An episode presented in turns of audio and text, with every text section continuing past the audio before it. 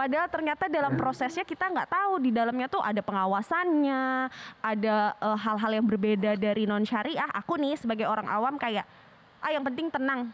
Pokoknya udah ada syariah. Ya, berarti ya sebagai kepala keluarga harusnya pada keluarga Iva dia mempunyai asuransi yang cukup sehingga kalau ada apa-apa yang ditinggalkannya pun bisa diberikan kekuatan untuk menjalani kehidupan berikutnya. Mulailah hari ini untuk merencanakan masa depan kita maunya seperti apa, mengcover, melindungi diri kita, melindungi keluarga kita, melindungi orang-orang yang kita sayang. Selamat datang di Duit, podcast yang membahas seputar pengelolaan keuangan. Dalam setiap episode, saya akan berbincang dengan bintang tamu yang menarik dan juga para expert yang akan menjawab segala permasalahan finansial. Bersama saya Deris kita, inilah Duit.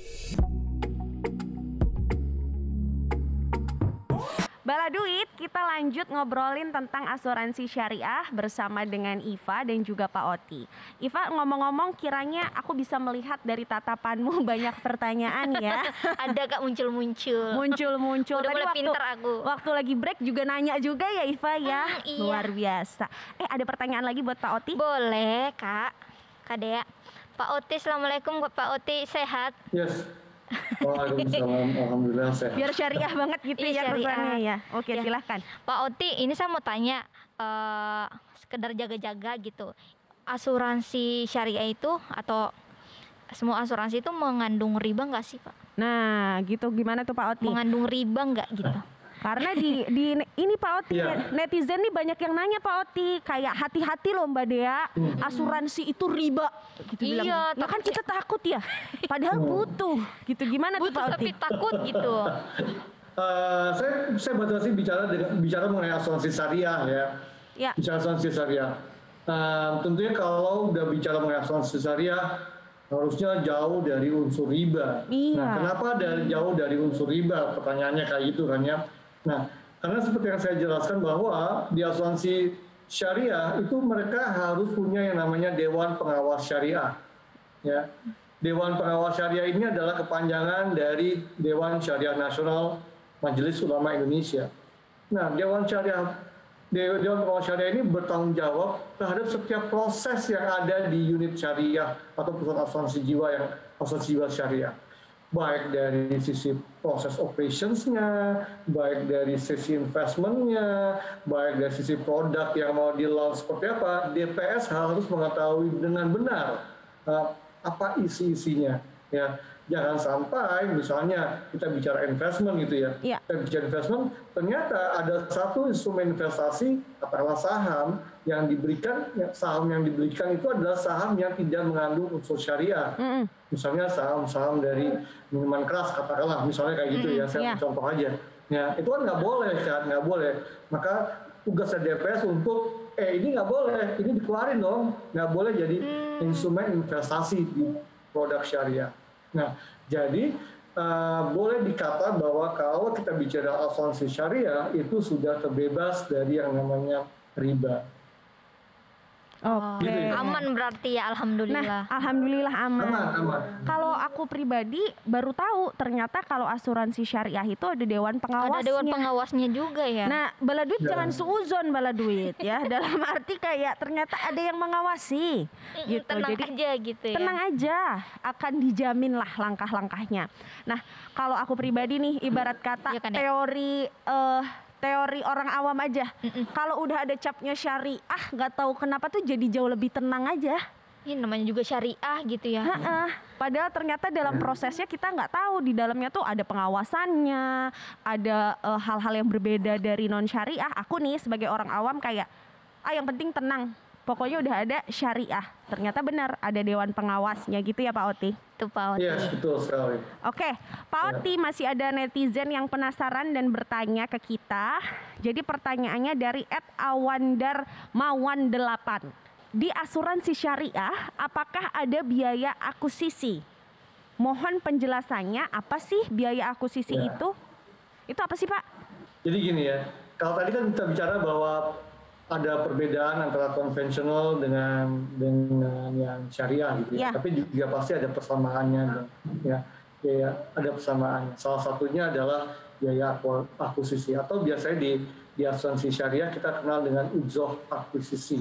Hmm. Nah, biaya ini adalah apa sih? Biaya ini adalah biaya yang harus dikeluarkan dari peserta yang berasal dari kontribusi yang dibayarkan ke perusahaan asuransi syariah tadi. Ya, gunanya untuk apa?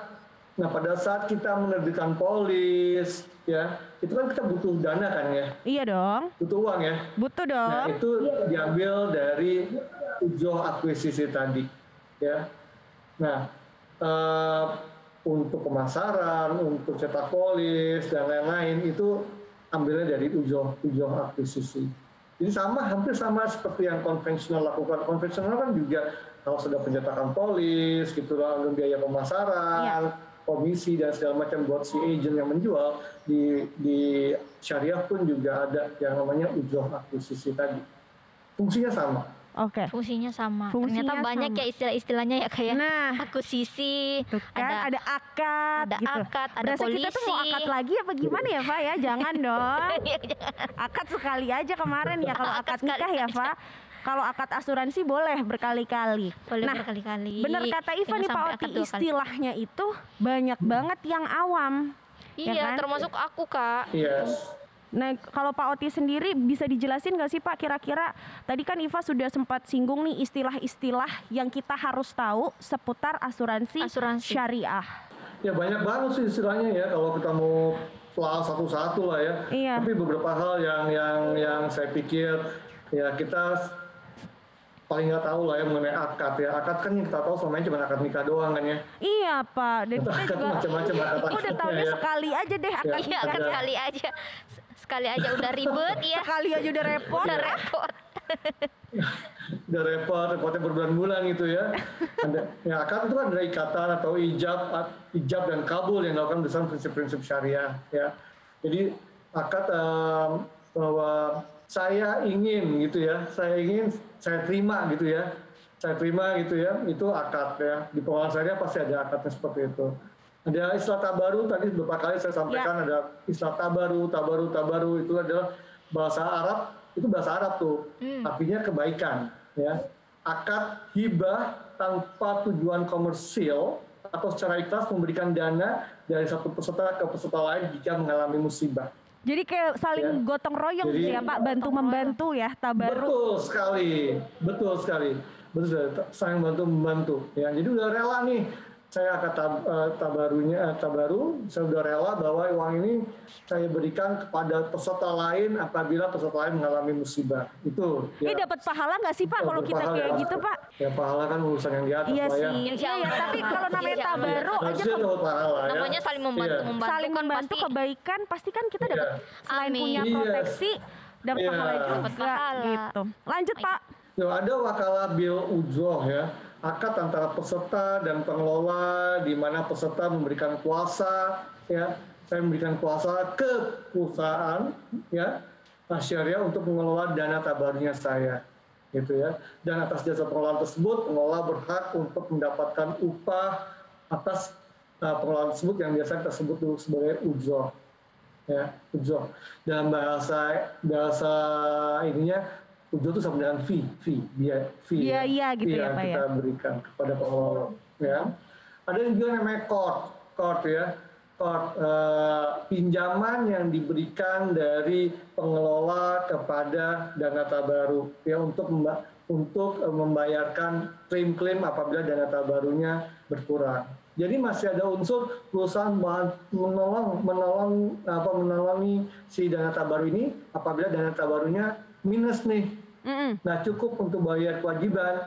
maka perusahaan tolonglah menolong ke dana tabaru, meminjamkan, ya memberikan kort ke ke dana tabaru. Ya, nah itu sebagian istilah-istilah tentu masih banyak lagi lah kalau kita belajar nanti kita lebih satu semester kurang lah ya. Iya kurang kayak berapa SKS gitu ya Pak kita harus habiskan untuk belajar Iya, gitu. istilah-istilah ini.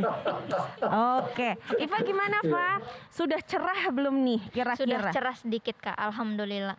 Nih Iva mau lanjutin pertanyaan yang tadi kak nih, Boleh. yang tadi eh, pas Hmm. break-break ya, Ah, ah, ah. yang soal itu asuransi itu sama aja dengan BPJS atau bagaimana gitu? Nah, Butuh ini pencerahan yang lebih Oke, ini pertanyaan yang awam juga nih eh, Pak Oti karena banyak netizen juga yang menanyakan hal yang sama kayak Iva. Apakah eh, ketika memang sudah punya BPJS gitu ya. Apakah emang perlu juga ya asuransi asuransi gitu? syariah lagi, gitu tuh Pak. Gimana tuh Pak Oti? Ya, bagus, bagus pertanyaan sih bagus. Eh, apakah kalau punya BPJS sudah cukup gitu ya? BPJS sudah, sudah cukup. Nah, nah, kalau kita lihat dari Social Security ya, jaminan sosial yang ada di Indonesia, BPJS itu adalah sesuatu yang sifatnya mendasar sekali, Yap. ya, mendasar sekali. Ya.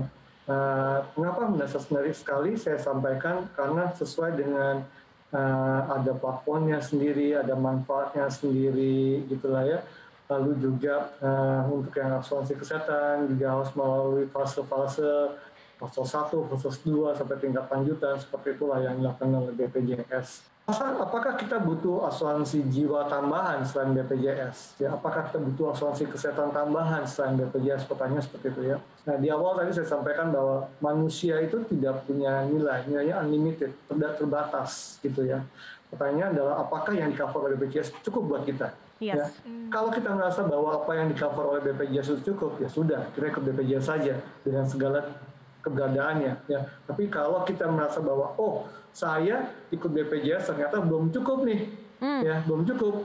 Nah kalau belum cukup, belilah atau carilah asuransi untuk mencukupi berapa kecukupan kita dalam mengcover kehidupan ini. Oke. Mengcover kehidupan Makasih, ini. Terutama, terutama ini ibu-ibu lah ya, ibu-ibu ada Dea, ada Iva yang saya pasti yakin udah berkeluarga ya.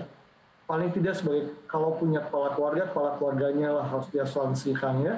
Tadi kan eh, dia sampaikan satu ayat ya, kalau sampai Anissa ya, dia ya, yang Pak Oti. tinggal tinggal berikanlah ya, berikanlah eh, orang yang ditinggalkan dengan kemampuan yang baik kan gitu ya, Iya. kurang lebih kayak gitulah ya Iya. ya Em, ya berarti ya sebagai kepala keluarga harusnya keluarga keluarga Iva dia mempunyai asuransi yang cukup sehingga kalau ada apa-apa yang ditinggalkannya pun bisa diberikan kekuatan untuk menjalani kehidupan berikutnya Oke, sudah jelas ya Pak ya. Itu Udah jelas, udah jelas kak. Sama juga bala duit kalau misalnya bala duit sudah punya asuransi dari kantor, tapi coba dilihat lagi ataukah sudah sesuai belum sama kebutuhan kamu. Kalau ternyata memang sudah sesuai ya sudah, tapi ketika mau lebih nyaman lagi, mau pakai asuransi mandiri, asuransi syariah yang aman juga boleh. Jadi semuanya based on kebutuhan dari bala duit masing-masing. Gitu ya Pak Oti ya. Tergantung kebutuhan. Yes, betul, betul sekali, betul sekali, tergantung kebutuhan masing-masing.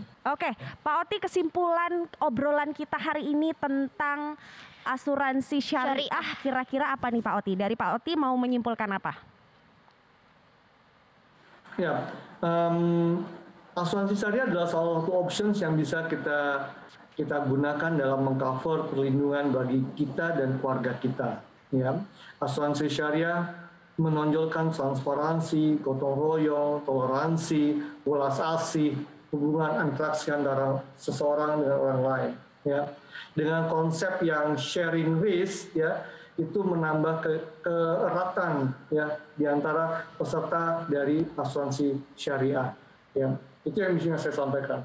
Aspek keadilan ya peserta di mana kalau peserta mendapatkan satu resiko ya berhak mendapatkan klaim. Tetapi kalau klaimnya tidak muncul ada surplus underwriting. Ini aspek keadilannya yang yang di, bisa diberikan oleh asuransi syariah transparan saya tadi juga sampai sudah jelaskan bahwa sumber dana klaimnya dari data baru jelas terbebas dari riba dan semua bermula bermula dari satu akad hibah atau ikhlas saling tolong menolong.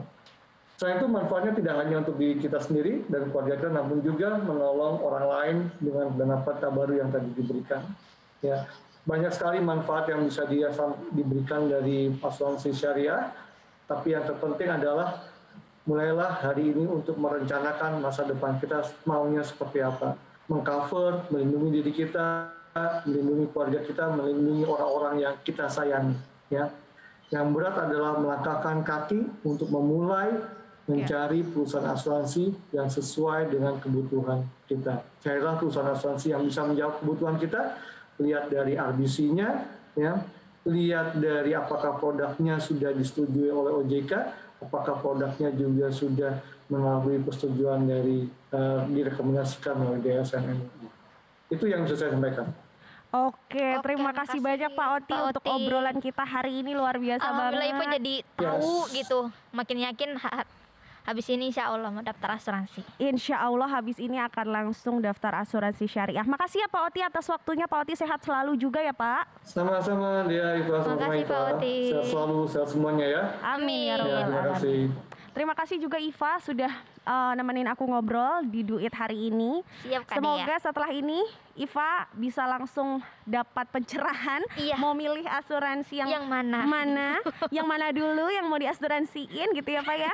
Kayaknya pendidikan dulu deh Kak. Boleh. Boleh. Semoga Iva sehat selalu juga. Amin ya Salam Allah. untuk keluarga dan juga anaknya. Makasih Kak Dea. Nah, bala duit sama seperti yang tadi sudah dibicarakan oleh Pak Oti, bahwa yang paling penting adalah memulai.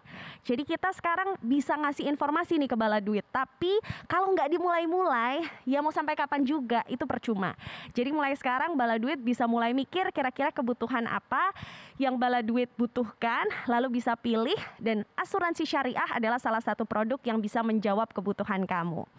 Nah, bala duit kalau misalnya bala duit ada pertanyaan-pertanyaan, ada topik atau ada bintang tamu yang ingin diundang, jangan lupa kirim aja langsung requestan kamu atau pertanyaan kamu ke Twitter dan Instagram kita di @duit underscore Metro TV. Jangan lupa video ini di like, terus di share sebanyak-banyaknya, dan subscribe YouTube channel Manulife Indonesia. Informasi lebih lengkapnya lagi kunjungi aja websitenya Manulife Indonesia. Untuk bala duit semua, jaga kesehatan, lindungi dirimu, dan jangan lupa punya asuransi kesehatan. Sampai jumpa di duit.